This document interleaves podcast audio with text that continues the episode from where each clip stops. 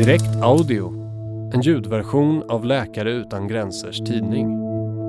Utbildning ger ringar på vattnet. Brist på kvalificerad vårdpersonal är ett allvarligt hot mot hälsan i många länder världen över. I ett nytt utbildningsinitiativ arbetar Läkare utan gränser för att öka den medicinska kompetensen i fattiga och krisdrabbade områden. Det är en torr och solig dag i januari 2018.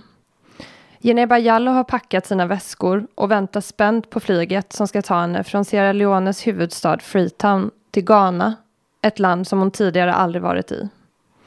Hon har fått ett stipendium till en tvåårig vidareutbildning för sjuksköterskor via Läkare utan gränsers medicinska akademi. Resan som började den där januaridagen förändrade mycket i Jeneba Jallows liv. Men vi backar bandet lite till 2014 när hon blev klar med sin sjuksköterskeutbildning och fick jobb på det offentliga sjukhuset i Sierra Leones tredje största stad, Kenema. Ett jobb som var oavlönat.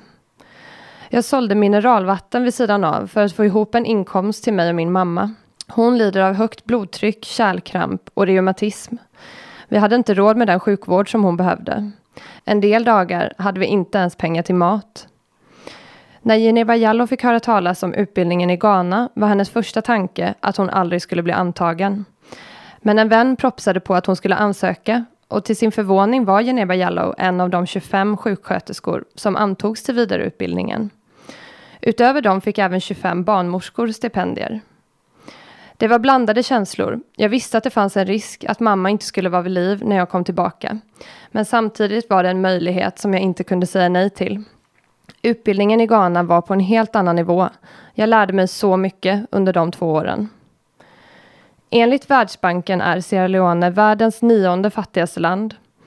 Hälso och sjukvården har varit sargad i decennier och att få tillgång till vård är en ständig utmaning för landets åtta miljoner invånare. Sierra Leone fick knappt en chans att återhämta sig från inbördeskriget som rasade under 1990-talet och i början av 2000-talet innan ebolaepidemin bröt ut med förödande kraft 2014. För Geneba Jallow är det svårt att tänka tillbaka på den desperata situationen på det offentliga sjukhuset i Kenema. I början av utbrottet hade vi ingen skyddsutrustning. Jag var tvungen att vårda patienter utan handskar. Jag måste ha haft änglavakt som inte smittades, men min bästa vän från sjuksköterskestudierna dog bara fyra dagar efter att hon smittats av en patient.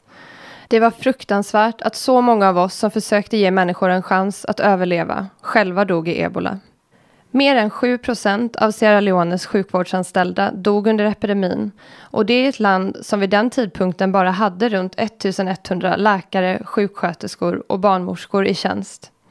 I jämförelse har Sverige runt 175 000 personer på samma positioner. Sierra Leone brottas fortfarande med en enorm brist på kvalificerad vårdpersonal och dessutom arbetar många oavlönat, precis som Geneva Jallow gjorde. Det får förstås allvarliga konsekvenser för hälsan i landet. De största sjukhusen lyckas bara anställa en liten andel kvalificerade sjuksköterskor och sällan några läkare. Den kompetens som behövs för att vårda patienterna på rätt sätt saknas framförallt på avdelningar med väldigt sjuka patienter, som barn med lunginflammation eller svår malaria. Det här säger Bart Jansens som är ansvarig för Läkare utan gränsers medicinska akademi. I många av de fattiga och krisdrabbade länderna där Läkare utan gränser arbetar är utbildningsmöjligheterna skrala. De som läser medicinska utbildningar på universiteten får inte tillräcklig kunskap för att utföra arbetet på bästa sätt. Myndigheterna har inte heller resurser att ge vårdpersonalen kontinuerlig vidareutbildning, säger Bart Jansens. Läkare utan gränser är kanske mest förknippat med att vara en akutorganisation som är snabbt på plats när konflikter blossar upp eller en orkan drar in. Så hur kommer det sig att man har startat en omfattande utbildningsinsats? Runt 90 procent av de som arbetar för oss världen över är lokalanställda, så bristen på kvalificerad personal är ett stort problem även på våra sjukhus. Att satsa på utbildning förbättrar den sjukvård vi ger och leder även till positiva hälsoeffekter på längre sikt, säger Bart Jansens. Utbildning har alltid varit en viktig del av vårt arbete, men det har inte funnits tillräcklig kontinuitet. Vi insåg att vi måste föra vidare vår medicinska och humanitära kunskap på ett mer strukturerat, långsiktigt och hållbart sätt. Sagt och gjort, under 2017 startades MSF Academy for Healthcare som innefattar längre sjuksköterske och barnmorskeutbildningar samt specialkurser i infektionsmedicin, narkosvård, traumakirurgi och antibiotikaresistens. Vi har ett bra samarbete med universitet i Ghana, Elfenbenskusten och Sydafrika dit vi genom riktade insatser skickar studenter. Men den största delen av undervisningen sker genom vidareutbildning på vårdinrättningarna i länderna där vi arbetar. Inför varje ny insats görs en grundlig undersökning av kompetensen i området för att identifiera de största luckorna, berättar Bart Jansens. Det var på Läkare utan gränsers barn och mödravårdssjukhus i Kanema i Sierra Leone som den här delen av den medicinska akademin startade. Med tiden har den utvidgats till flera olika projekt i Centralafrikanska republiken, Guinea och Sydsudan. Många av de sjuksköterskor och barnmorskor som utbildade sig i Ghana har nu återvänt till Sierra Leone och arbetar för Läkare utan gränser i Kenema, där de för vidare kunskapen. En av dem är Geneba Jallow. Hon är ansvarig för sjukskötersketeamet på akutavdelningen, vilket omfattar runt 50 anställda. Om jag inte hade studerat i Ghana hade jag aldrig vågat söka tjänsten. Jag är en väldigt blyg person. En av mina lärare där märkte att jag pluggade hårt, men att jag inte vågade ta plats i klassrummet. Hon tog sig an mig och det gjorde att jag verkligen utvecklades som person under utbildningen. De som är främst ansvariga för vidareutbildningsprogrammen på vårdinrättningarna är de kliniska mentorerna. Men vad innebär egentligen den yrkesrollen? Vi guidar personalen i arbetet och hjälper dem att utvecklas, både genom teoretisk undervisning i anslutning till sjukhuset och genom praktiska övningar, berättar Musa Mansaray, en av fyra kliniska mentorer på sjukhuset i Kanama. Musa Mansaray och hans mentorskollegor gör utbildningen så interaktiv som möjligt. Studenterna får öva på att göra ingrepp på dockor och det finns läsplattor utplacerade runt om på sjukhuset med spel och instruktionsvideor för olika medicinska områden. Praktisk träning utförs även på patienterna med en mentor vid sidan av.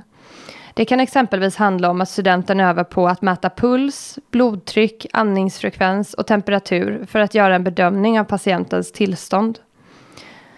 Mycket i arbetet handlar om att forma en god relation med studenterna. Var och en har en loggbok och efter de praktiska övningarna fyller vi i och utvärderar tillsammans. Studenter får ge sig själv en sol för det som gick bra och mån för områden de känner att de behöver utvecklas inom. Jag fungerar mest som ett bollplank, säger Musa Mansaray.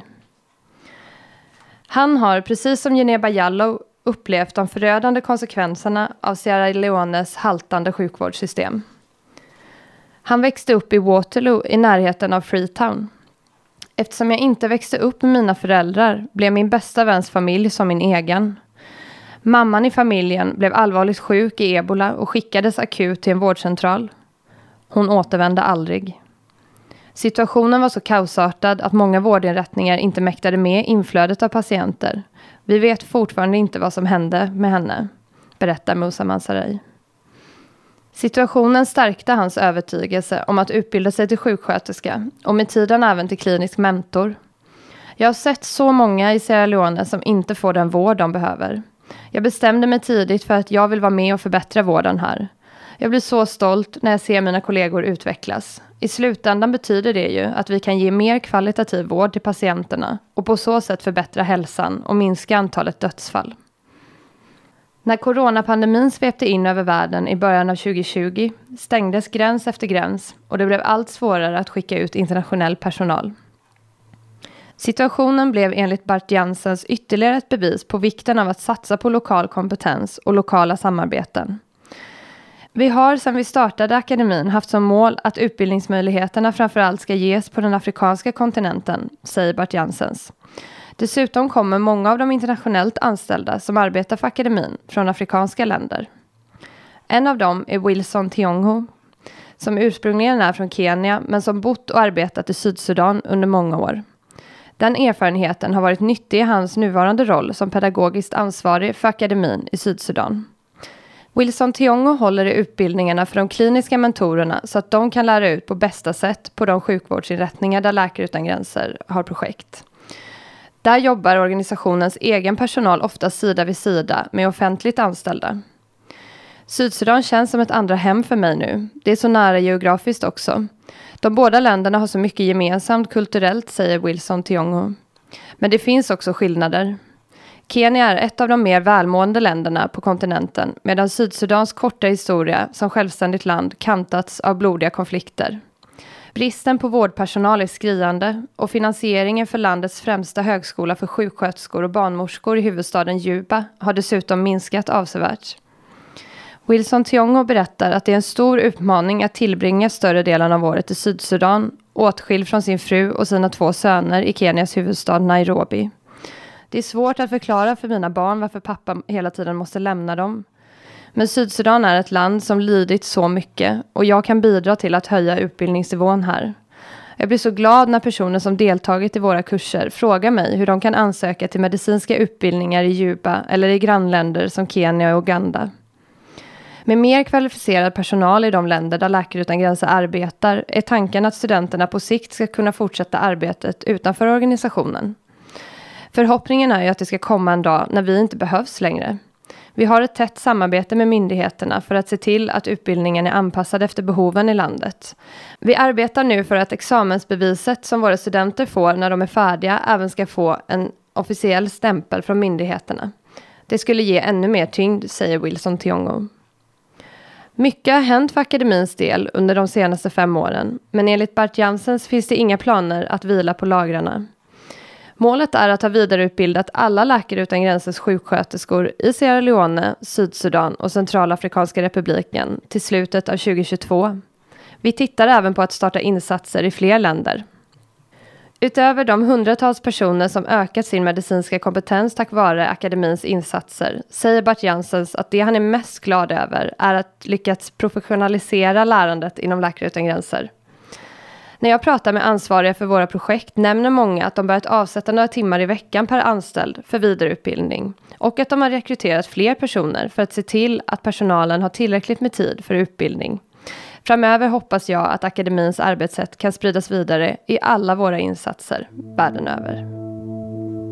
Den här artikeln är skriven av Sanna Gustafsson och publicerades första gången i tidningen Direkt, nummer 3 2021.